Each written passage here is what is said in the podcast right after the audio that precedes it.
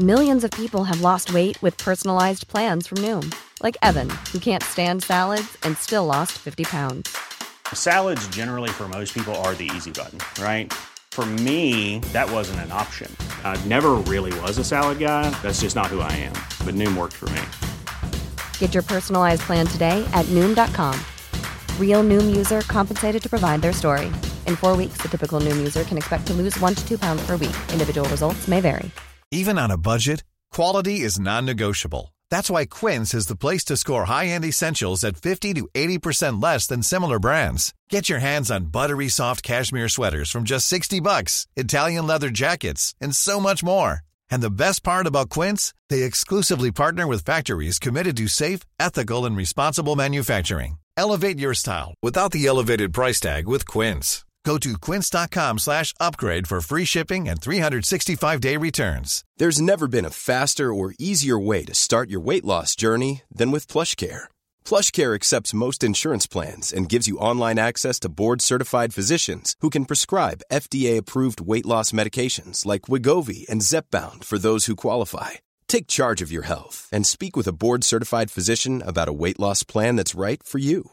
Get started today at plushcare.com slash weight loss. That's plushcare.com slash weight loss. plushcare.com slash weight loss. Cool fact a crocodile can't stick out its tongue. Also, you can get health insurance for a month or just under a year in some states. United Healthcare short term insurance plans, underwritten by Golden Rule Insurance Company, offer flexible, budget friendly coverage for you. Learn more at uh1.com. I'm amazed how many people own stocks. They, they would not be able to tell you why they own it. They couldn't say in a minute or less why they own it. Actually, you really press them down, they'd say the reason I own this is the sucker's going up. There's enough cash in the financial system, and there's an infinite amount of cash at the Federal Reserve. An infinite amount Put of cash. Put that check in a money market mutual fund. Then we'll reinvest the earnings into foreign currency accounts with compounding interest, and it's gone. So they had to do something. All they had left was just to print money and start buying things. And that's what they did. Quick buck artists come and go with every bull market, but the steady players make it through the bear market. They say money can't buy happiness. Look at the fucking smile on my face. Hej och välkommen till ett nytt avsnitt av Market Makers. Och det är ju andra veckan i rad som vi kommer köra en intervju. Det är lite ovanligt. Ja, det är det. Men det passar otroligt bra nu med det som händer på börsen. Det har ju varit en helt galen vecka kan man säga. Det här med GameStop och AMC och Wall Street Bets. Det är ingen som kan ha missat det. Jag vet ju att du gjorde nog ditt livs bästa trade i AMC. Den kommer jag aldrig göra igen. Jag köpte ju den just på de här, att jag trodde Reddit skulle in i den. Den gick ju 200 procent på dag. Den, den gick egentligen 300 procent, men jag fick bara 200 procent avkastning på dag. Så det, det var ju egentligen eh, svagt av mig tycker jag. Men dagens gäst har faktiskt gjort en ännu bättre trade eh, där en aktie gick, eh, om det var 500 procent eller någonting sånt på en dag eh, 2018. Men vi kommer återkomma till det. Men gästen vi har med oss heter Daniel Chang och han har skrivit en bok som heter En Investment Thinking Toolbox. Riktigt intressant intervju. Det är en intressant bok också som vi faktiskt eh, dessutom kommer lotta ut några ex av. Eh, och den handlar ju egentligen om ett antal intressanta koncept, liksom, eller, eller ja, tools, då, eller verktyg inom investeringar som man ska ha med sig. Läsvärd och bra bok. Och som sagt, vi kommer lotta ut tre stycken av den eh, och det kommer vara ganska enkelt. Vi kommer ju skicka ut avsnittet som vanligt på vår Twitter, att marketmakerspod. finns en länk till det i avsnittbeskrivningen. Eh, och eh, de som retweetar inlägget helt enkelt med avsnittet så kommer vi dra tre stycken vinnare där. Då. Så det tycker jag man definitivt ska göra om man är intresserad av boken. Med det sagt, kom ihåg, ingen rådgivning eller rekommendation sker i den här podden. Vi berättar bara om vår process och hur vi tänker. Gör alltid din egen analys och glöm aldrig att alla investeringar är förknippade med risk. Då säger vi välkommen till podden Daniel Chang som har skrivit boken An Investment Thinking Toolbox. Det här är ju din eh, första bok egentligen så jag kan tänka mig att en presentation är på sin plats. Vem är du? Var kommer du ifrån? Till att börja med, tack så jättemycket för att jag fick komma med i podden. Jag har lyssnat på er mycket och faktiskt har fått inspiration till några case från er så att det är superkul att vara med eh, på den här sidan. Men vem är jag då? Jag skulle säga att jag är en eh, investeringsnörd som har fått namnet Daniel och fyller 32 i år. Bor i Stockholm tillsammans med min sambo och en eh, fluffig hund. Jag gillar att springa medan jag tänker på investeringar. Jag gillar att umgås med familjen och prata investeringar. Jag gillar att kolla på film eh, och fundera på investeringar. Eh, ni hör lite återkommande tema där. I övrigt så gillar jag väl eh, tysk dönerkebab och Nike-reklam. Eh, sen är det också så att jag är väldigt lyckolottad ska jag säga och eh, jag får ju faktiskt jobba med investeringar på daglig basis nu också. Eh, så jag jobbar som CXO vilket är ett väldigt, eh, en väldigt kul titel för att, men betyder att jag jobbar med investeringar och affärsutvecklingar på Technion. Precis, de är börsnoterade och vi ska väl återkomma lite grann eh, till dem också sen. Yes. Eh, vad innebär CXO? Det låter ju som att X står för ingenting, eller? Ja, nej, men så är det faktiskt. Eh, Johan Stena som är min chef och VD eh, tycker att man behöver inte ha så himla tråkigt bara för att man är på jobbet. Så att eh, istället för att titta på någon sån här fancy titel, eh, Vice President eller något liknande så tyckte vi att CXO passar bra. Eh, och sen så pysslar jag med egentligen det som behövs för att eh, lösa ekvationen. Och eh, ekvationen, eller frågan, är väl hur skapar vi långsiktigt aktieägarvärde? Och hur kom du in på investeringsspåret då? Jag är faktiskt inte en av de personerna som har pysslat med aktier hela livet. Eh, jag började plugga på Handels 2008 och när jag började så visste jag faktiskt inte ens vad en aktie var. Eh, så det var ju faktiskt rätt fascinerande när man gick runt i korridorerna och alla snackade aktier, derivat och liksom olja eh, och jag fattade inte vad, om folk pratade olivolja eller liksom råolja. Det var verkligen på den nivån. Men jag gillar att göra saker som eh, folk tycker är eller ibland säger är omöjliga. Och det var ju ganska snabbt efter att man började plugga ekonomi då man blev introducerad för den här effektiva eh, marknadshypotesen kring att eh, det typ inte går att slå index över tid. Jag tänkte varför, varför skulle inte det gå? Och i samband med det så kom jag också eh, i kontakt med Warren Buffetts olika texter och skrifter och kände att den här killen har ju faktiskt lyckats med det här. Eh, att slå index över tid. Eh, åtminstone så är det ytterst, ytterst osannolikt att det bara skulle kunna förklaras av tur. Så att eh, det var väl egentligen det som sporrade mig och jag började ju faktiskt på eh, bettingmarknaden. Där jag jobbade en del med arbitrage. Eller jobba och jobba. Eh, jobba hemma på min egen kammare med att identifiera olika arbitragemöjligheter. Och sen så tog jag ju det skillsetet vidare till att eh, hitta liknande möjligheter på börsen. Och då var det någonstans där det startade. Och eh, för mig så var det helt otroligt. Att jag, jag tycker om att lära mig saker, jag tycker om att eh, klura på intressanta frågeställningar. Och eh, helt plötsligt med finansmarknaden så kunde jag göra båda de här sakerna och eh, hade jag rätt så får jag ju betalt för det också, vilket är helt fantastiskt. Om man hoppar in på din egna investeringsfilosofi då, hur ser den ut och vad har du för egna strategier? Det, det har ju faktiskt förändrats en del över tid, eller ganska mycket över tid ska jag säga. I grund och botten så har jag ju som målsättning att jag skulle vilja dubbla pengarna var fjärde till femte år där någonstans. Så 15-20 procent per år då, eh, i snitt. Sen eh, när jag började så var jag ju väldigt mycket från eh, bettingarbitrage och eh, i och med att jag läste Warren Buffett och eh, Graham Dodd så var det mycket NetNet och liknande eh, situationer jag letade efter. Sen så tyckte jag att det där var eh, tråkigt eh, och sen, framförallt så var det svårt att hitta tillräckligt många. Eh, så att jag har ju över tid gått mer och mer till att försöka hitta olika typer av compounders. Eh, jag kan hitta typiska kvalitetsbolag, peta in pengarna och låta dem rulla på eh, år efter år. Sen så under den här tidens gång så har jag också läst på kring eh, de flesta olika investeringsstrategier man kan tänka sig. Allt från liksom teknisk analys och försöka titta på kurvor och se om det ser ut som eh, T-rex eller cumulusmoln eh, kollat på trendföljande momentum, jag har tittat på eh, att köpa tillväxt och ja, allt möjligt. Men eh, just nu i alla fall eh, och de senaste, det senaste decenniet kanske så har compounders varit det jag har landat i. Vad, vad innebär compounders då? Vad, vad, är det någon speciell nisch, någon speciell sektor som du kikar extra mycket på? Bra fråga. Eh, Ibland så tror jag mig att jag har hittat eh, ett svar på den frågan, eller de frågorna. Men eh, rätt ofta så vet jag knappt vad det är jag letar efter. Det finns ju några saker jag försöker hålla Eh, ganska strikt. Eh, till exempel så vill jag ju att bolagen ska ha en avkastning på eget kapital över åtminstone 15-20 procent. Eh, avkastning på eh, totalt kapital på över 10 procent. Jag gillar att omsättning och vinst per aktie har ökat de senaste eh, säg 5-10 åren.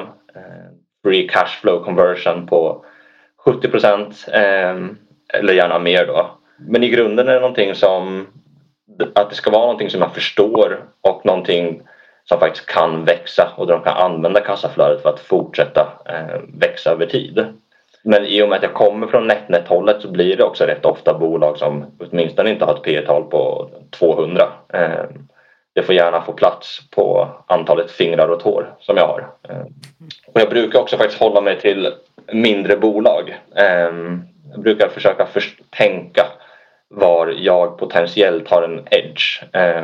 Och oftast, eller oftare, så tror jag att det har landat i att de mindre bolagen är bolag som jag potentiellt har en edge för att färre personer tittar på det helt enkelt. Framförallt kanske det är färre professionella som tittar på det.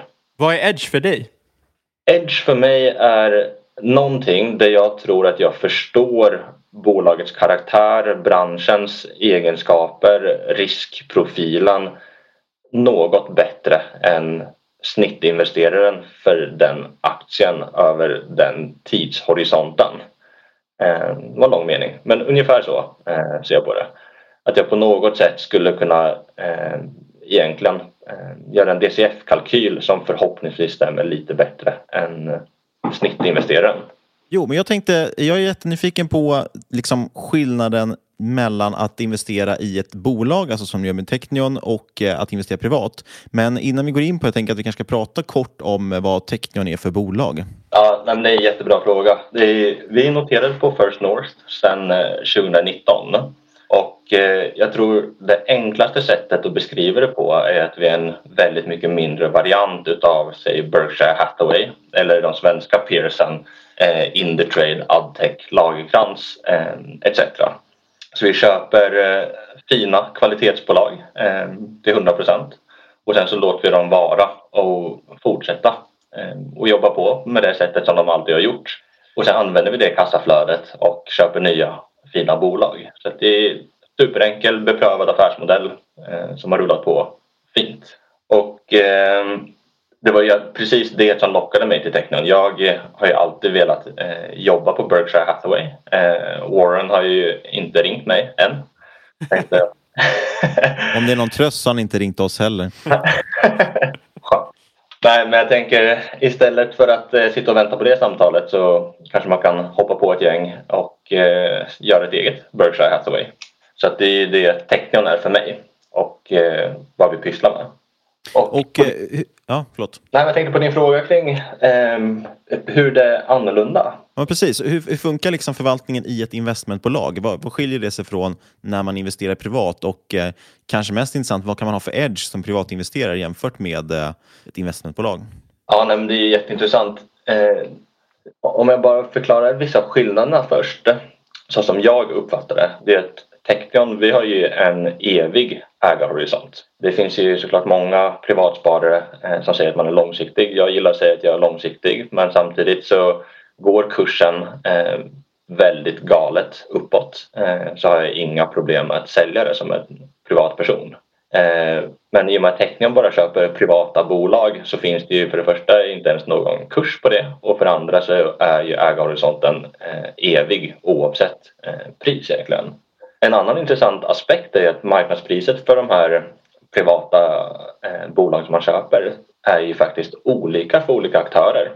På börsen så är man ju van vid att oavsett om det är eh, du Niklas eller Fabian eller jag som köper så får vi betala samma pris vid samma tidpunkt. Men eh, så är det ju faktiskt inte på den privata marknaden utan där väljer ju säljaren eh, såklart dels efter pengar men också eh, var man vill att sitt bolag ska ha sitt hem. Det är ju i de flesta fall så är det ju företag som eh, de här har skapat eh, och man har spenderat mycket mer tid med sitt företag än kanske med sina barn och sin familj och de är väldigt mån om att det ska hamna rätt. Så det är inte bara pengar i sig. Eh, sen är det ju också så att i vissa fall så har man ju mycket bättre möjlighet att göra DDs när man jobbar med det professionellt. Man kommer in på ett helt annat sätt. Man får ju helt annan tillgång till data.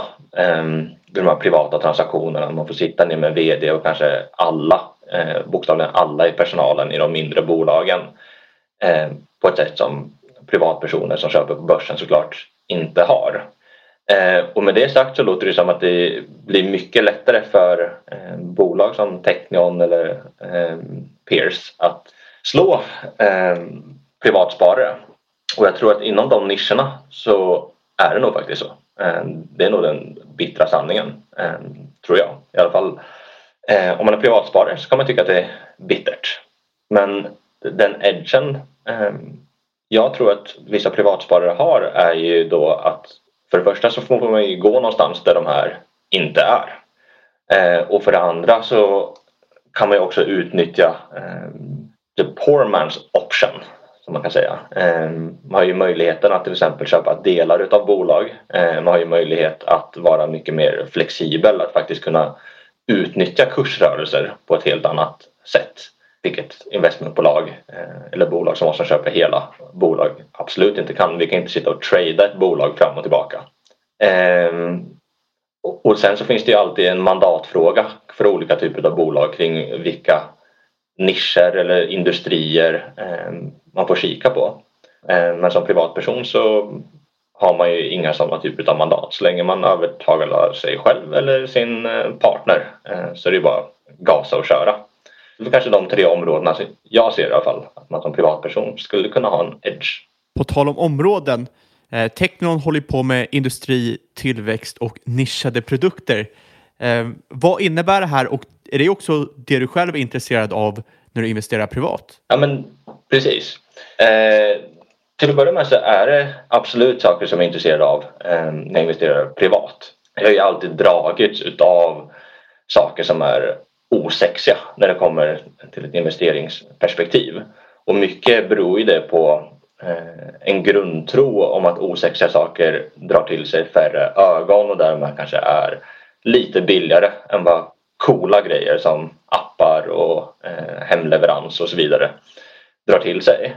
Eh, sen så har jag jobbat som konsult under eh, eh, några år och eh, av någon anledning så har jag hamnat mer på den typen av bolag så att förhoppningen är att jag kan eh, industri och liksom, teknikbolag någorlunda bättre än eh, high-tech-bolag. Och gällande din fråga kring eh, uppdelningen så är det ju eh, ett sätt i alla fall för oss eh, att tänka eller kanske framförallt en hjälp för en potentiell investerare att tänka på Technion som olika grupper. Jag tycker man ska nog inte fästa sig för mycket kring affärsområdena i sig för de här bolagen agerar väldigt, väldigt separat. Vi försöker inte på något sätt få ut synergieffekter mellan dem. Om det sker rent organiskt så är vi såklart glada för det. Men det är inte så att de jobbar under eh, en tydlig divisionschef som eh, dikterar vad som ska hända och inte ska hända. Men eh, lite förenklat så är det väl så att nisch är de typer av bolag som har extremt nischade produkter där vi kanske inte har en jättehög förväntan på eh, tillväxt men där de har fina fina marginaler. Och tillväxt är ju de bolag där vi eh, tror och hoppas att vi, vi kan få till eh, väldigt bra tillväxt över tid. Och industri är egentligen den delen som är eh, inte alls lika nischad men är riktigt fina bolag som taktar på och ger fina kassaflöden. Så det är väl cash cow-delen ehm, på sätt och vis om man kan uttrycka sig så. För att summera lite det vi har gått in på nu. Du har gått från handels till betting, netnet compounders, investmentbolag. Helt eh, och nu har, nästan. Ja, och nu har du en bok. Hur kom, hur kom du in på att du skulle skriva en bok? det är en skitbra fråga Fabian. Jag tror det finns några olika svar på det. Ett svar som jag gillar är att eh, inom många discipliner så försöker man ju alltid ha liksom en coach eller någon som sitter och tittar på om man gör rätt eller fel och ger en feedback och sen försöker man bli bättre eh, i nästa golfslag eller i nästa eh, sångton eller vad det nu är man vill bli bättre på. Inom investeringar så är min uppfattning att eh, väldigt många tänker inte riktigt på det här sättet. Man sätter sig och eh, köper någon aktie, eh, säljer någon aktie, det går bra eller det går dåligt. Över tid så brukar det ju gå plus för att börsen går plus över tid eh, och man inte reflekterar så mycket över det. Och jag har eh, varit i den situationen själv eh, under väldigt lång tid och jag tror att jag har känt att det är lite jobbigt att faktiskt titta på vad jag gjort och alla dumma misstag. Så att under Corona så tog jag mig faktiskt tiden och verkligen ransakade mig själv kring alla typer av misstag som jag gjorde. Och uppenbarligen så gör jag tillräckligt många misstag för att skulle fylla en hel bok. Eh, det är det ena svaret. Och det andra svaret är att eh, jag har haft lite som en bucket list-grej att skriva en bok. Och då tänkte jag, hur lång tid kan det ta? Och då räknade jag ut lite snabbt att ja, men 200 sidor gånger eh, 20 rader gånger 15 ord per rad det blir typ 60 000 eh, ord. Och om jag skriver 80 till 90 ord per minut då borde jag kunna klämma ur det där på typ 11-12 timmar. Det är inte så svårt. Optimistiskt. ja. Men eh, ibland får man vara lite optimist. Det är skönt ibland när man inte vet hur svårt det är. Då sätter man igång. Eh, och sen har man kommit tillräckligt långt så att man inte riktigt vill ge upp. Då blir man klar. Ja, det är sant. Det är jättebra filosofi faktiskt. Nej, just själva boken där också, Investment Thinking Toolbox. Eh, strukturen är rätt intressant. Det är ju just ganska mycket fokus på ja, men ett antal liksom, verktyg så att säga inom investering. Och jag tänkte att vi, vi, vi plocka ut ett axplock av dem som vi tänkte att vi skulle djupdyka i och, och prata lite grann om vad de innebär för dig och eh, ja, vad man kan ta till sig där. Liksom. Sen ska man såklart läsa hela boken också. Men det första konceptet jag tänkte att vi skulle prata om det är ju ett av de mest centrala inom investeringar och som folk dessutom har väldigt olika uppfattningar av vad det innebär. Och det är ju egentligen begreppet risk risk. Så vad är, är risk för dig egentligen? Risk tycker jag är så jäkla spännande just för att alla tänker på det på så många olika sätt. Um, men kanske fortfarande inte tillräckligt mycket eh, i, i min mening. Jag går runt och tänker på det varje dag. För mig så är risk sannolikheten att man inte uppnår ett mål. Ehm, det vill säga för mig kan inte risk existera utan att man faktiskt har ett uppsatt mål. Ehm, det finns ju massa olika sätt att se på det. Ehm, I skolan så lär man sig oftast att risk är samma sak som fluktuation. Ehm, sen så finns det ju som sagt väldigt många olika sätt att se på det. Men för mig så är det sannolikheten att inte uppnå ett mål. Och, och därmed så sätter jag eh, alla typer av investeringar just i relation till det. Ehm, och om man tänker sig, ja, mitt mål då att jag vill kunna dubbla mina pengar var fjärde, femte år att då prata om att kontanter eller cash då är riskfritt är för mig helt oförståeligt. Eh, för att för mig så skulle cash vara det absolut risk, mest riskfyllda som fanns för det skulle garantera att jag inte skulle dubbla mina pengar någonsin så länge det är 0 bara för att klargöra lite så jag, så jag förstår helt.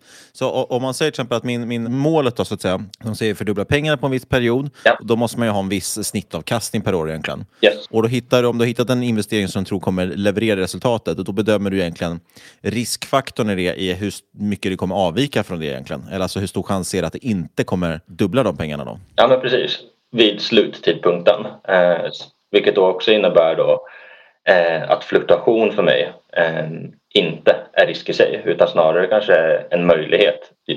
Jag vet inte om jag sa det tidigare men jag försöker vara rätt långsiktig. Eh, jag köper bolag och tänker att jag ska hålla den eh, för evigt eller tills det verkligen har stuckit i pris eller att jag kommer fram till att jag verkligen har missförstått det. Eh, men det innebär att fluktuationerna fram tills dess faktiskt inte spelar någon roll. Jag tänker att jag kanske behöver pengarna när jag går i pension om typ 50 år och allting fram tills dess är egentligen mindre relevant eh, och inte risk för mig så länge inte det är permanent. Typ bolaget går i konkurs, då är det svårt att återhämta sig såklart. Men eh, jag tycker för mig också risk väldigt personligt. Eh, det är ofta man lär sig eller hör att ett visst bolag är riskfyllt eller inte. Eh, och jag tror såklart att det finns vissa saker som rent objektivt är mer riskfyllda. Jag tror att eh, att investera i ett biotechbolag mer riskfyllt jämfört med ett bolag som inte är ett biotechbolag. Eh, just på grund av att det finns så vissa binära risker eh, och en osäkerhet som inte objektivt går att bedöma.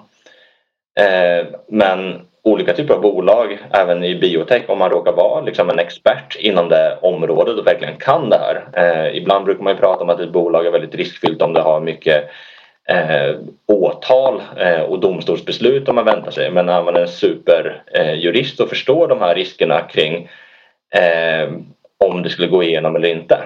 Då skulle det faktiskt vara extremt icke riskfyllt. det är lite så jag tänker på eh, risk. Tror du snittinvesteraren föds med en viss riskvilja eller tror du att man lär sig hantera risk över tid? Oj, bra fråga. Ehm, jag tror nog faktiskt att man föds, eller åtminstone ganska tidigt eh, under sin uppväxt, formas i någon typ av riskvilja och risktolerans. Sen tror jag nog att man kan träna sig till att ta lite mer eller mindre eh, risk. Men eh, jag tror att man ljuger nog för sig själv i de allra flesta fall om man tror att man skulle kunna eh, förändra den väldigt mycket i, i vuxen ålder. Eh, det är någonting som man verkligen får testa sig fram och jag tror att det är farligt att röra sig för snabbt eh, ut på riskskalan under en kort period. Det är ändå så att ja, men, tar man börsen som exempel, då, sådana här björnmarknader eh, och riktiga eh, fall på börsen. Det händer ju ändå inte varje år eh, utan det händer en gång var femte år. Och ehm, under en lång hårsperiod så brukar det vara smart att ligga långt ut på riskskalan. Men går man hela vägen ut och inte har varit med i en björnmarknad eh, och inte vet hur man reagerar när ens portfölj halveras eller kanske går ner 75 procent. Ehm, då är man nog i deep shit. Ska vi hoppa vidare till nästa punkt? Mm. Um, ska, vi tar det så här istället.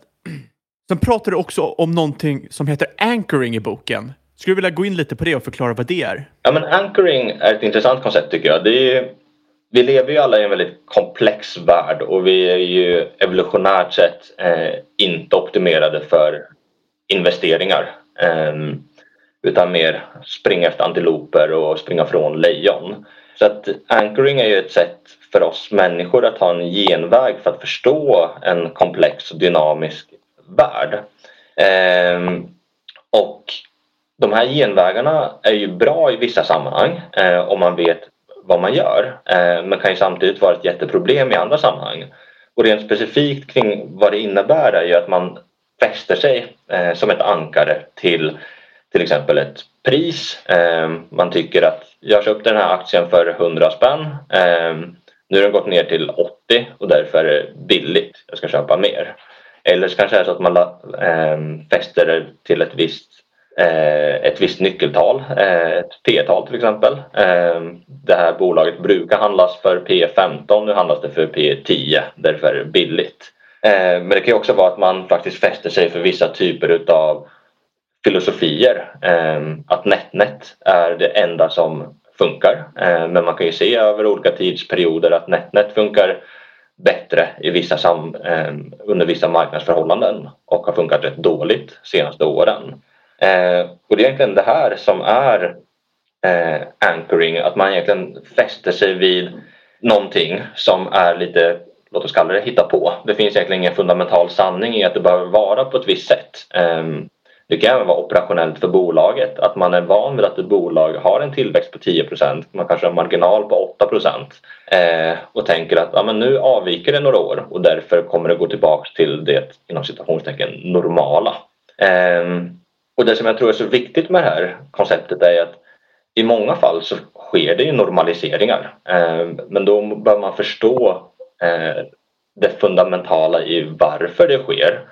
Eh, för det är inte så att det sker av sig självt. Har man ett bolag som brukar tjäna 10% och nu går det kast så kommer det inte automatiskt bara gå tillbaka till 10 eh, utan man bör förstå de underliggande drivarna. Eh, och det här gör ju att jag tror att många investerare tar sina beslut på felaktiga premisser. Det vanligaste kanske just är att man inte vill sälja en aktie för att man ligger back på den.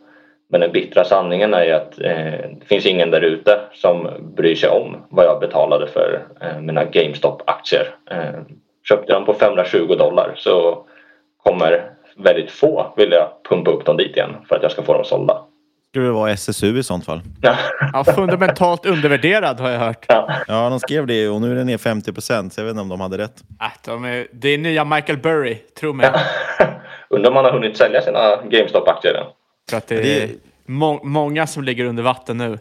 Ja, Det är ju eh, lustigt det där med anchoring, för det, som du säger, alltså det, det är ju ett extremt, tycker jag, väl utbrett missförstånd. Eller man ser det ju om man tittar på, på forum och sådär, men jag tycker framförallt Ja, Jag, vet, jag har aldrig riktigt fastnat i just den. Det är mycket annat man fastnar i. Eh, men jag, jag har aldrig riktigt förstått varför, varför man gör det där egentligen och vad, hur man kan... Eh, varför folk lägger så stor vikt egentligen vad, vid, vad ett pris har varit förut. Eh, det känns ju som bara en sån sak som att med tanke på att vi har aktiesplittar eh, som gör att, att priset förändras så borde ju liksom det där A lot can happen in three years, like a chatbot may be your new best friend. But what won't change? Needing health insurance. United Healthcare Tri Term Medical Plans, underwritten by Golden Rule Insurance Company, offer flexible, budget friendly coverage that lasts nearly three years in some states. Learn more at uh1.com. Hi, I'm Daniel, founder of Pretty Litter. Cats and cat owners deserve better than any old fashioned litter. That's why I teamed up with scientists and veterinarians to create Pretty Litter. Its innovative crystal formula has superior odor control and weighs up to 80% less than clay litter. Pretty Litter even monitors health by changing colors to help detect early signs of potential illness. It's the world's smartest kitty litter.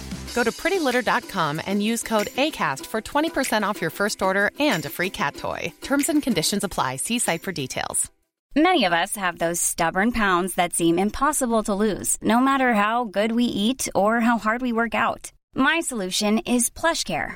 PlushCare is a leading telehealth provider with doctors who are there for you day and night to partner with you in your weight loss journey. They can prescribe FDA-approved weight loss medications like Wagovi and Zepbound for those who qualify. Plus, they accept most insurance plans.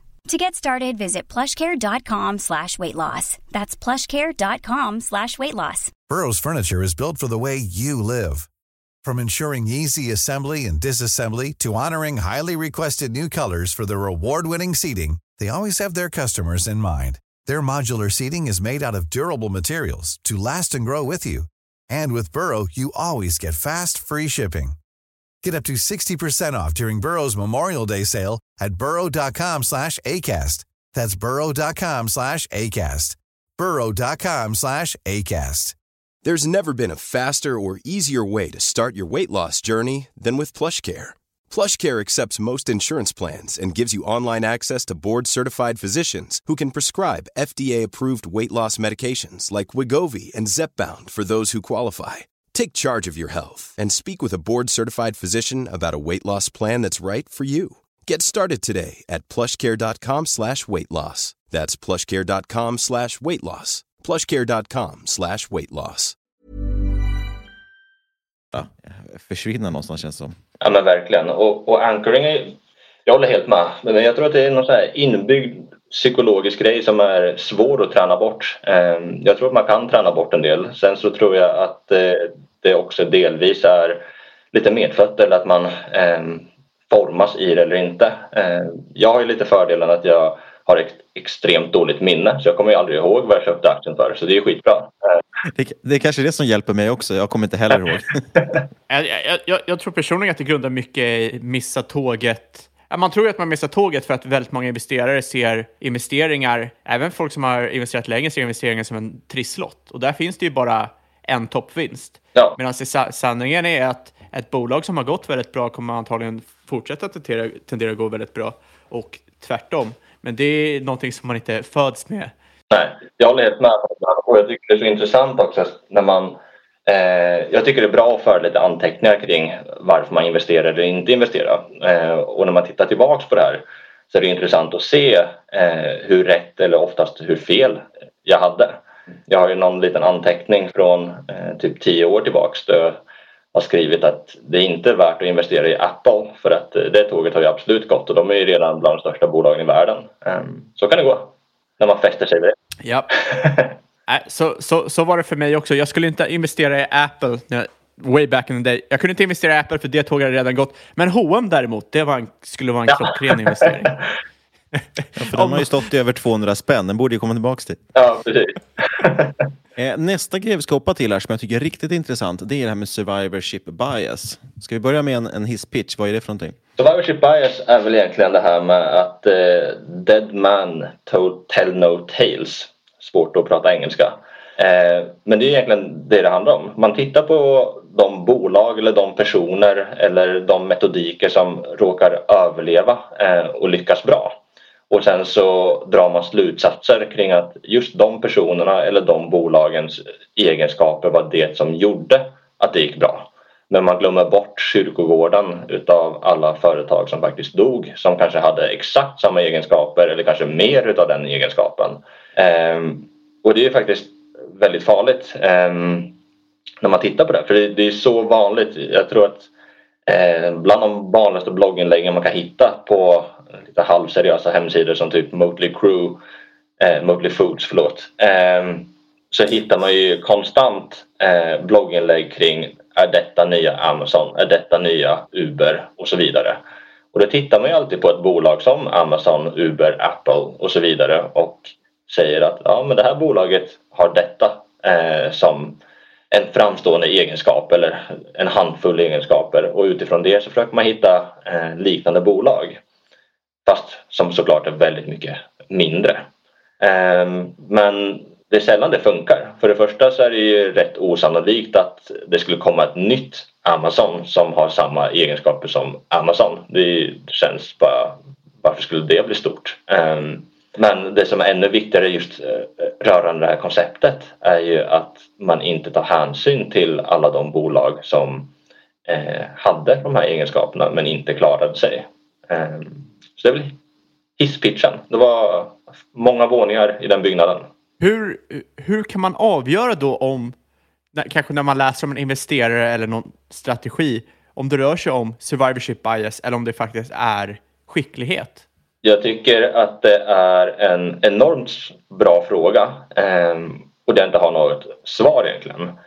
Eh, jag tror att det är viktigt att försöka förstå eh, Dels tror jag att det är viktigt att faktiskt titta på många bolag som eh, har gått under. Eh, det är lätt att man glömmer den biten och bara tittar på de som lyckas. För att också eh, bara få en motpol till om den här egenskapen som man tror är skicklighet är skicklighet eller om det är någonting annat. Ehm, sen så tror jag också att det är viktigt att försöka gräva lite djupare i, i eh, den här egenskapen eller skickligheten och försöka förstå om det finns något fundamentalt i det. Eh, vissa skickligheter funkar ju bara i vissa tidsperioder. Eh, kanske kombinerat med väldigt mycket tur eller kombinerat med ett extremt risktagande. Eh, men att egentligen ja, dels titta på de som dog och dels gräva lite djupare för att förstå eh, omständigheterna. Eh, inte ett jättekonkret tips men eh, det är ungefär så långt jag har kommit i det här tänkandet. Så eh, om någon som lyssnar kommer på något smartare får ni jättegärna skicka in. Jag tror, jag tror det som du säger, det, det är ju väldigt svårt att avgöra vad som är survivorship bias. Så det är väl snarare att kolla på det som, ja, de som inte har överlevt helt enkelt. Jag tror att det är många som ser kanske Enron eller andra vet, så här, katastrofer ja. och så ser man ah, men det är klart att de går under. De, det var ju FUB som hände där. Men sanningen, majoriteten av alla bolag som misslyckas är rekobolag. Det går jättebra för dem och sen hamnar det ett litet misstag. Det är en liten credit crunch. Det är att de inte kan betala sina räkningar en månad för att likviditeten inte räcker. Jag tror det är åtta av tio bolag som är... Det är kortsiktiga likviditetsproblem som gör att man går under. Precis, och jag tror att en annan liten intressant take på det är ju att man kan ju inbilla sig en sån här ett scheme och det här är väl då man säger don't try this at home. Men eh, om man skulle skicka ut till exempel ett mail till 100 000 personer och till hälften av dem så skriver man börsen kommer gå upp nästa vecka och till resten så skriver man börsen kommer gå ner nästa vecka. Då kommer du ju eh, ha rätt i hälften av fallen. Och sen så repeterar man det nästa vecka och gör det under tio veckor till. Då kommer man ju efter tio veckor sluta med ungefär 100 eh, personer på din mejllista som tror att du är smartast i världen för att du lyckats ha rätt tio gånger i rad. Och sen skulle man kunna be de personerna att skicka in alla sina pengar för att man ska förvalta dem och då tar man pengarna och åker till eh, Bali och hänger eh, resten av sitt liv. Men det här är ju liksom det omvända utav det. För för de personerna så kommer ju de vara the survivors eller produkten utav survivorship bias. Eh, och om inte de tittar på kyrkogården av alla felaktiga prognoser ehm, så skulle det i så fall se väldigt bra ut. Exakt, och det är det som gör det så svårt. Har du bara tillräckligt stor population ja. så kommer ju allting egentligen kunna fungera oavsett hur idiotiskt det kan, det kan vara. Precis. Nej, och det, det är verkligen jätteintressant för att det är ju, eh, man måste ju faktiskt också vara ärlig med att alla utfall i världen beror ju dels på skicklighet, det beror på hårt jobb men det finns ju också liksom en dos av tur och precis som du säger när populationen är tillräckligt stor eh, så gynnar det ju faktiskt extremt risktagande eh, för då får man med eh, lite av turfaktorn som ger en, en edge. Och det är väl det som är så spännande för tittar man på många bolag som har lyckats extremt bra så är det ju eh, så vet jag inte om det är smart att dra slutsatsen att extremt risktagande är det som gör att man lyckas. För det är som att säga att det är smart att trycka av en rysk roulette om man... Ja, om man frågar alla som har överlevt det. Då kommer de ju säga att det inte var Ja, något då är det farligt. inga problem. Just det där med tur är intressant. Det tycker jag går tillbaks till riskbegreppet också.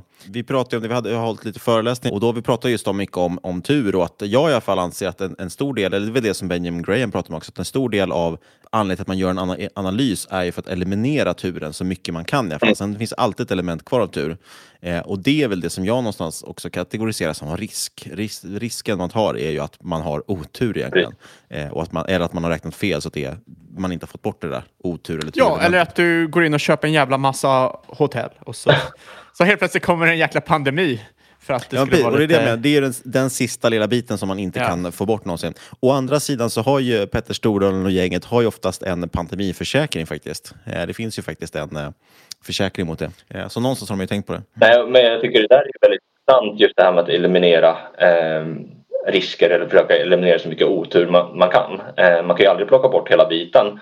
Men som eh, ni är inne på det här med pandemin, det finns ju de som har tänkt på det eh, uppenbarligen i och med att det finns pandemiförsäkring och eh, i boken så skriver jag till exempel om min investering i Ryanair. Eh, och det, efter att jag köpte så slog ju pandemin till och det var ju liksom sådär bra för aktien.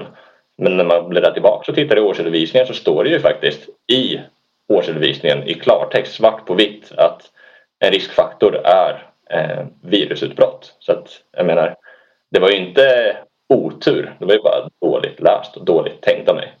Ja, det var ju otur att den kom just nu, men man förstår ju att den någon gång kommer komma, men man vet ju inte vilken omfattning heller. Så är det. Och, och där har vi, vi använder ju något citat, minns jag, i den där föreläsningen, just det som Graham säger, att om jag parafraserar så säger han ju i princip att det, skillnaden på investering och spekulation är just den här noggranna analysen. Ja, för någonstans tycker jag då att är de två, i spektrat går ju mellan att å ena sidan har du att köpa en lott, och det är ju ren och skär tur. Det finns ju ingen analys bakom, du tar ditt turnummer kanske.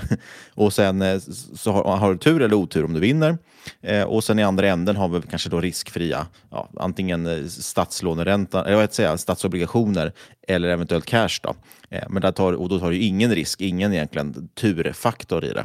Nej. Eh, men då får ni heller inte så bra betalt. Och det gäller ju att lägga sig någonstans däremellan. Liksom. Mm. Nej, och det är ju faktiskt väldigt intressant. En ytterligare kommentar kring det här med risk är ju att ibland så brukar man ju eh, tänka att avkastning och risk korrelerar. Och, och jag tycker det är intressant att tänka på för att om det vore så enkelt eh, och om man är långsiktig då kan man ju bara ha som ett reglage där man drar ut reglaget på mer risk och får mer avkastning. Men tyvärr så funkar det inte riktigt så utan eh, man kan ju inte bara ta alla sina pengar och peta in i eh, Blackberry och GameStop och säga nu tog jag asmycket risk, ge mig avkastning. Eh, utan det, Det, då skulle man ju i, i extremfallet då lägga alla pengarna på lotter eller lägga alla pengarna på rött liksom i roulette. Eh, och det är klart att du kan, om du har riktigt, riktigt tur, med lite survivorship bias så kommer du hitta någon som har lyckats med det fem gånger i rad. Eh, men till slut kommer de ju bränna allt och då är det nere på noll. Precis. Så det, är- det, där, är ett väldigt intressant begrepp och jag tror inte att folk, eh, det är många nog som inte riktigt tänker på det sättet. Vi pratar, nu ska vi se, jag tänkte på en sak, vi kanske ska byta ett av de här ämnena apropå det.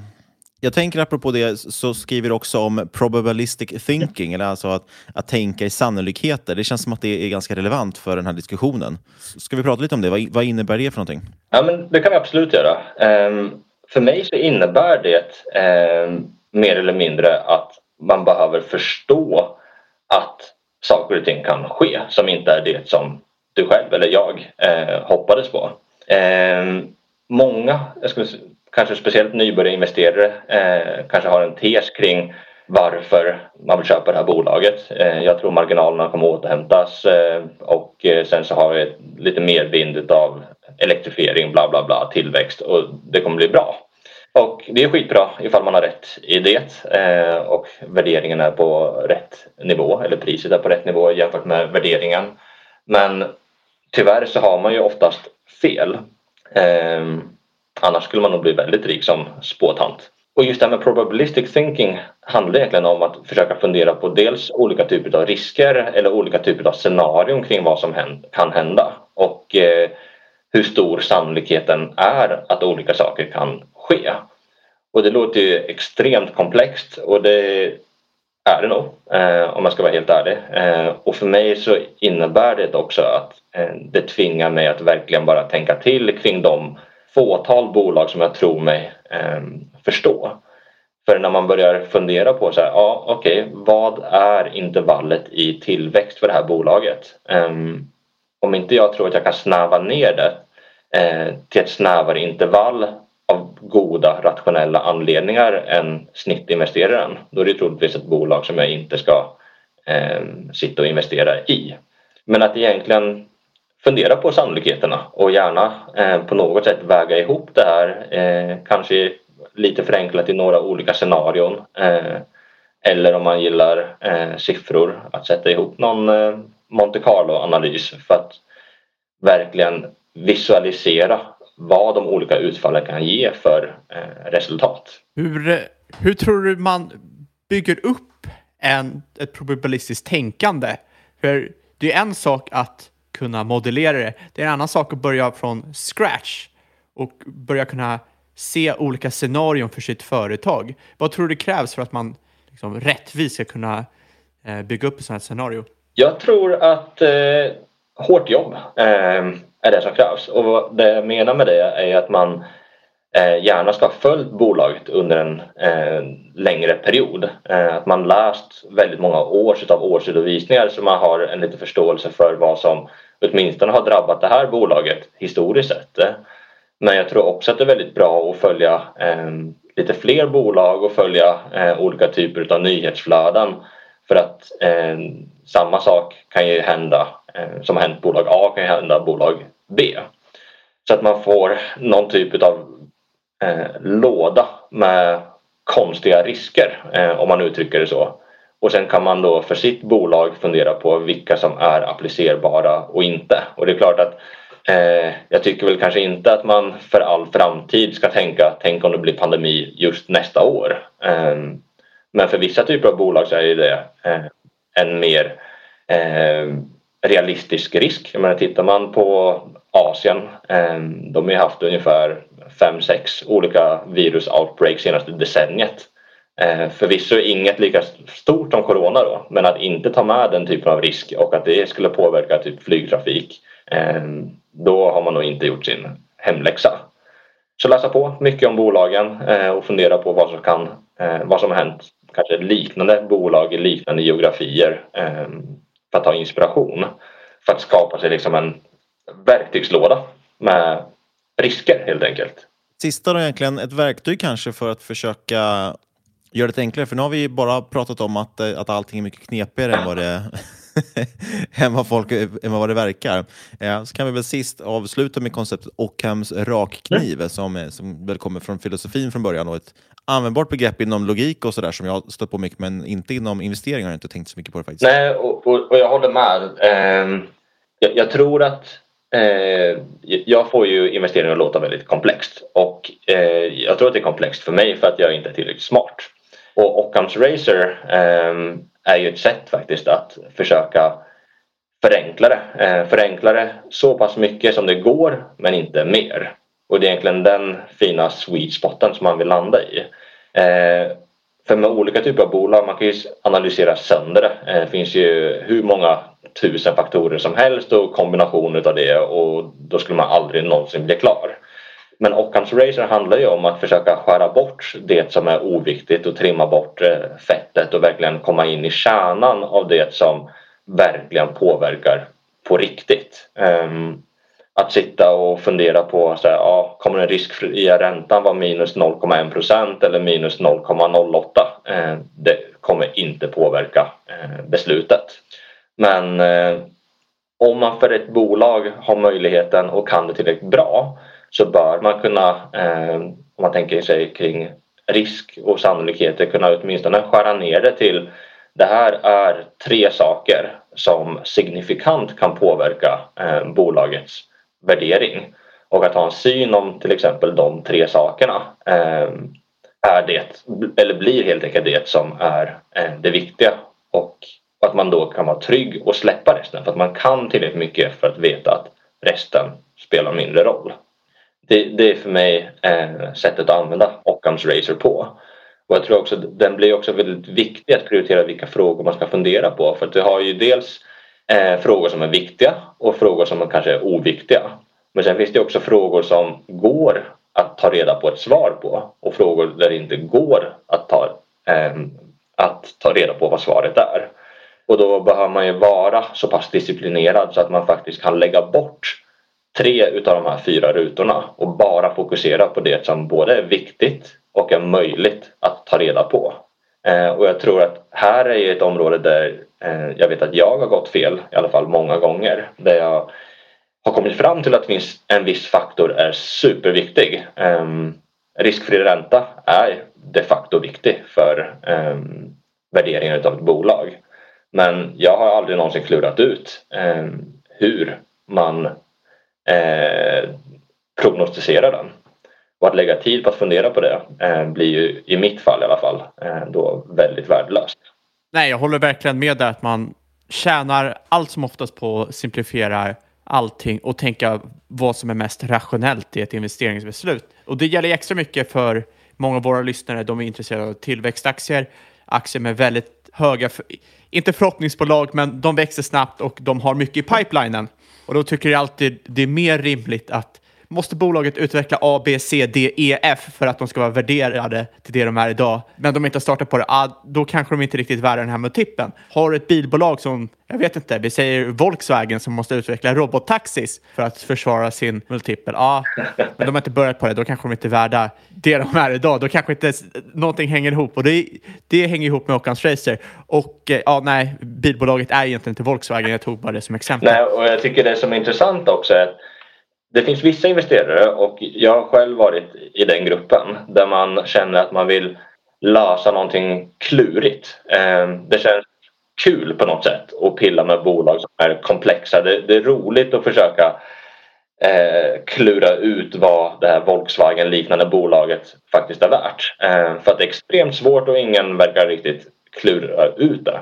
Och det är klart att är man duktig på det på riktigt sure, eh, knock yourself out. Men eh, man får inga stilpoäng i investeringar. Det finns ju ingen som någonsin bara, ah, okej, okay, vad duktig du är, du gissade rätt, här får du en miljon till för att det var svårt. Det är tyvärr inte så det funkar. Och det är väl också lite anledningen till att jag gillar just tråkbolag. Jag har ju eh, faktiskt fortfarande vissa bolag eh, i portföljen som är rena investmentbolag. Har eh, en och annan industrigrupp i bolaget och det kan ju tyckas vara väldigt tråkigt. Men å andra sidan, tar man Investor som exempel som jag tror är en av Sveriges vanligaste aktier. Den har ju varit eh, extremt bra eh, jämfört med index oavsett vilken tidsperiod man tittar på. Eh, supertråkigt, man lägger ingen tid på det men den får jobbet gjort. Nej, jag håller verkligen med där när du säger att det finns inga stilpoäng att hämta här och det gör det ju inte. Det enda du har att hämta det är ju Code Hard Cash och det gör ju du genom att göra så bra research som möjligt och ha lite skin in the game. Renaste formen av research kan man säga när man måste betta på det. Man kan inte bara säga vad som helst, man måste faktiskt sätta lite pengar på det för att faktiskt kunna vinna. Nej, och det, jag menar det är ju rätt klen tröst till sig själv när man säger eh, ja, jag förlorade nästan alla mina pengar. Men å andra sidan, det var ett svårt bolag att analysera så att det gör inget. Det, det är rent Man plockar Twitterpoäng. Ja. Det där kan ju vara faran ibland med också det här när man eh, faktiskt är lite publik och, och, och skriver på Twitter och, och, i vårt fall har en podd och sen saker också. att Ibland börjar folk förknippa med ett bolag och, och man får akta sig för att, att just gifta sig med bolag som man pratar om. Eh, det är också en sån sak. Ser man att det här blev inte som jag tänkte eller hitta en bättre investering, då måste man också våga släppa saker ja, ganska fort. Det. det är också vanligt att man har lagt väldigt mycket tid på något, något bolag och då vill man gärna inte slut, sälja det bara för att man... Så här, jag har ju lagt ner så mycket tid, det blir någon form av sunken cost. Ja, men verkligen. Och jag tror att inte bara att man eh, någonstans kanske behöver inse att man hade fel i sin värdering, men man kanske ibland också behöver inse att marknaden kommer aldrig inom rimlig tid förstå det du tror att du förstår. Ehm, och istället för att sitta kvar då för evigt eh, och hoppas på att någon annan kanske ska förstå kan vara värt att göra någonting annat ehm, istället. Då. Ja, man brukar säga det, att vara för tidig är samma sak som att ha fel. Det, det rimmar ju rätt väl nu när man eh, inte får stilpoäng för att ha rätt, man får stilpoäng för att ha, eller man får pengar Nej, men så är det. Jag tänker på vissa av de här som har kortat, eh, typ Tesla eller liknande, har varit kort i kanske 5-10 år och eh, jag har ingen aning om eh, vad det faktiska värdet på Tesla är men utifrån ett pengaperspektiv så har man haft fel under hela den här perioden. Eh, och att gå in tyngre och tyngre och som du var inne på Niklas kring det här med att vara publik. Till slut så är man förknippad som den som inte tror på Tesla och då är det ju väldigt, väldigt jobbigt att eh, byta inriktning. Ja men verkligen, och, och det är väl samma med permabjörnar. Liksom, att oftast eh, finns mycket vett i det de säger. Det, det, jag tycker det är värt att lyssna på permabjörnar. Ja, men det är sällan man ska investera som en permabjörn. Nej, det går sällan bra. Faller tillbaka till Ockans rakkniv, att oftast går börsen upp och det är ofta det lättaste valet. Jag tror vi ska börja runda av lite, men vi har en sista fråga som vi ställer alla våra gäster och det är vad din bästa respektive sämsta investering var och framförallt vad du har lärt av dem. Jag tror min bästa investering, eller jag vet, det är i, i min sambo. Och lite det här med att eh, faktiskt eh, vara långsiktig och investera eh, över tid. Eh, sjukt bra avkastning på den. Jag vet inte riktigt hur man räknar. Men, eh, Vad har du för edge där? jag kan säga att det finns nog ingen som förstår och kan henne lika mycket som mig. Och det är väl ett edge. Nej men rent finansiellt så tror jag att eh, investerade i ett bolag som heter Viking Supply Ships. Eh, de hade lite PSV och eh, Icebreakers. Eh, ett väldigt konstigt bolag som gick eh, väldigt bra utfallsmässigt. Men jag var framförallt väldigt stolt över eh, processen jag drev där. Ehm, skrev någon rad om det i boken. Så det eh, får ni som orkar gärna läsa om. Vad är rätt roligt, eh, Viking Supply Ships, det är när det väl hände, det var ju någon gång, eh, ja, som säger, det var ju några, några år sedan och så gick den väl upp, var det typ 200 procent eller något sånt bara på, på någon dag i princip när de sålde väl ett av de här skeppen? Ja, precis. Och med att den gick upp. Då var det rätt mycket prat om det att så här, ja, men värdeinvestering är inte död. Det här var ju ett riktigt liksom, jag kommer knappt ihåg om det var cigar butt eller some of the parts case eller vad man ska kalla det för. Jag var tvungen att ta fram den nu, 750 procent ja. gick den till och med. 2018. Ja, det är rätt imponerande får man säga. Ja, det var kul. Sämsta investering? Nej, förlåt, nu stoppar jag lite. Hur, hur, hittade du fram till ett sånt case? Jag är jättenyfiken på att höra mer om den eh, processen. Men, i, I och med att jag kommer lite från det hållet så gillar jag ändå att köpa bolag som eh, folk inte gillar. Och eh, jag använder ju börsdata en del eh, och screenar lite grann. Och det här var ju liksom ett bolag där aktien hade fallit, typ, jag kommer inte ihåg, 90 någonting procent av de senaste fem åren. De gjorde enorma förluster. Eh, de eh, höll på med saker som ingen ville pyssla med. De hade extrem motvind och all, de, jag tror inte de hade en enda analytiker kvar. Eh, och det var liksom sjukt säljtryck på det. Eh, och någonstans så tänkte jag bara att visst, eh, jag håller med om att allting eh, ser inte super nice ut. Men är man lång aktier som jag eh, är, då är aktien värd som minst noll. Eh, och känslan var väl i aktien att eh, folk tyckte att den var värd typ minus fem. Och, och det går inte. så det var lite där jag började. Ehm, och på sämsta investering så ja, som sagt, jag har ju lyckats fylla en bok med dåliga investeringar. Eh, så att eh, det finns många att välja på. Men jag tror att den som jag faktiskt skäms över mest är ju eh, en investering i MSAB. Microsystemation pratar vi om då? Precis, inte det före detta investmentbolaget som låg på börsen. Och där var det helt enkelt så att jag ville köpa bolaget. Eh, det var tydligt för mig i efterhand i alla fall. Eh, och så satt jag och spenderade skitmycket tid på att analysera bolaget för att bekräfta eh, varför det var värt mer. Uppenbarligen så var det inte värt mer. Jag tror jag tog en halverad position till slut. Bättre än minus 100 men eh, inte jättemycket. Absolut.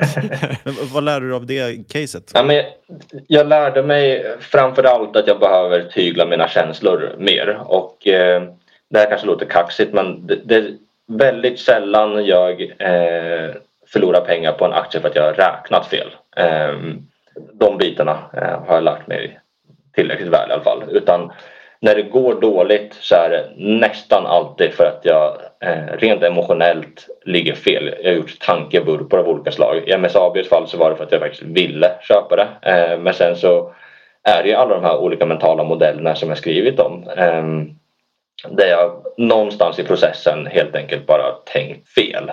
Och det är klart att tänker man fel då kommer man räkna rätt enligt felaktiga premisser och då blir det fel i alla fall. Och det kanske jag kan avsluta med att säga just det här med investeringsstrategi. Jag har ju som strategi eh, att jag alltid skriver upp vad jag tror om caset först innan jag ens rör en enda siffra. Eh, för jag har lärt mig att börja i Excel så kommer jag bygga storyn för att passa Excel. Men sätter jag en story först då blir det svårt att peta in vad som helst i Excel. Det blir ett sätt att tygla mig själv. Men det sagt så är vi, tackar vi jättemycket för att du tog dig tid. Superintressant att höra och en, en väl läsvärd bok. Tack själva. Jättekul att vara med här. Jättekul att ha dig. Ja, då var vi tillbaka, bara du och jag igen Fabian. Kul också, Daniel var ju en ny bekantskap för oss bägge, så det var roligt här. Och jag tycker som sagt att boken är väldigt läsvärd och vi kommer som sagt lotta ut tre stycken ex av den. Så att, håll utkik på, på vår Twitter från när avsnittet släpps så lägger vi ut ett inlägg. Om man retweetar det så har man då chans att eh, få en av de här böckerna skickad till sig. Det tycker jag verkligen man ska göra. Ja, jag håller med, speciellt när börsen är som det är nu. Det är väldigt när oklart. Socialdemokraternas ungdomsförbud går ut och rekar aktier som undervärderade efter att de har gått upp 4000 procent. Exakt, det här med SSU, helt galet. Men vem vet, de kanske nya Michael Burry, de kanske nya Warren Buffett. Vad vet jag? De brukar ju säga, de här värdeinvesterarna, att de börjar med att sina postar går ner 30-50 procent. Så att, eh, ja, vem vet? SSU för övrigt har ju faktiskt, väldigt kul att de skrev också just eh, något slags eh, antikapitalistiskt inlägg om att, att, att äga aktier var, var ju fel och så där, bara för de rika och så. Eh, men de sitter själva på en, en miljonportfölj inom SSU eh, som finansierar en stor del av deras verksamhet. Men eh, ja, det, det antar att man inte vill prata om. Men Oavsett om du lyssnar på oss eller SSU så ska du nog komma ihåg att det inte är någon rådgivning vi håller på med. Alla åsikter, våra egna gäst och eventuella sponsorer tar inget ansvar för det som sägs i podden. Tänk dessutom på vad då? Att alla investeringar är förknippade med risk. Det kan ni ju se om ni hade investerat i GameStop. Tar ni för mycket risk så till slut får ni väldigt mycket smisk och det sker under eget ansvar. Ja, och är ni intresserad av eh, att eh, diskutera vad risk innebär för er så skicka ett mejl till podcast.marketmakers.se eller kolla på, in oss på Twitter at marketmakerspod. Där kommer som sagt det här inlägget ligga med avsnittet som man kan retweeta för att vinna ett ex av boken. Men sist men absolut inte minst så vill vi säga stort, stort tack för att du har lyssnat, kära lyssnare. Vi hörs igen om en vecka.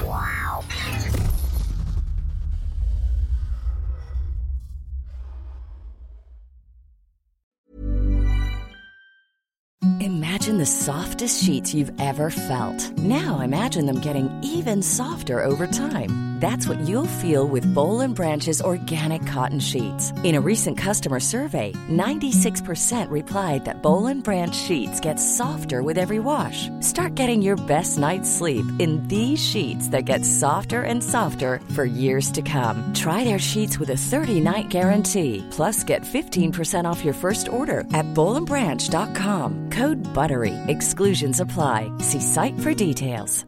Hi, I'm Daniel, founder of Pretty Litter. Did you know cats tend to hide symptoms of sickness and pain? I learned this the hard way after losing my cat, Gingy. So I created Pretty Litter, a health monitoring litter that helps detect early signs of illness by changing colors, saving you money and potentially your cat's life. Pretty Litter is veterinarian developed, and it's the easiest way to keep tabs on your fur baby's health right at home. Go to prettylitter.com and use code ACAST for 20% off your first order and a free cat toy. Terms and conditions apply. See site for details. Even when we're on a budget, we still deserve nice things. Quince is a place to scoop up stunning high end goods for 50 to 80% less than similar brands. They have buttery soft cashmere sweaters starting at $50, luxurious Italian leather bags, and so much more. Plus, Quince only works with factories that use safe, ethical, and responsible manufacturing.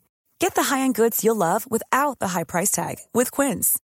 Go to quince.com slash style for free shipping and 365-day returns. Mom deserves the best, and there's no better place to shop for Mother's Day than Whole Foods Market. They're your destination for unbeatable savings, from premium gifts to show-stopping flowers and irresistible desserts. Start by saving 33% with Prime on all body care and candles. Then get a 15-stem bunch of tulips for just $9.99 each with Prime. Round out Mom's menu with festive rosé, irresistible berry chantilly cake, and more special treats. Come celebrate Mother's Day at Whole Foods Market.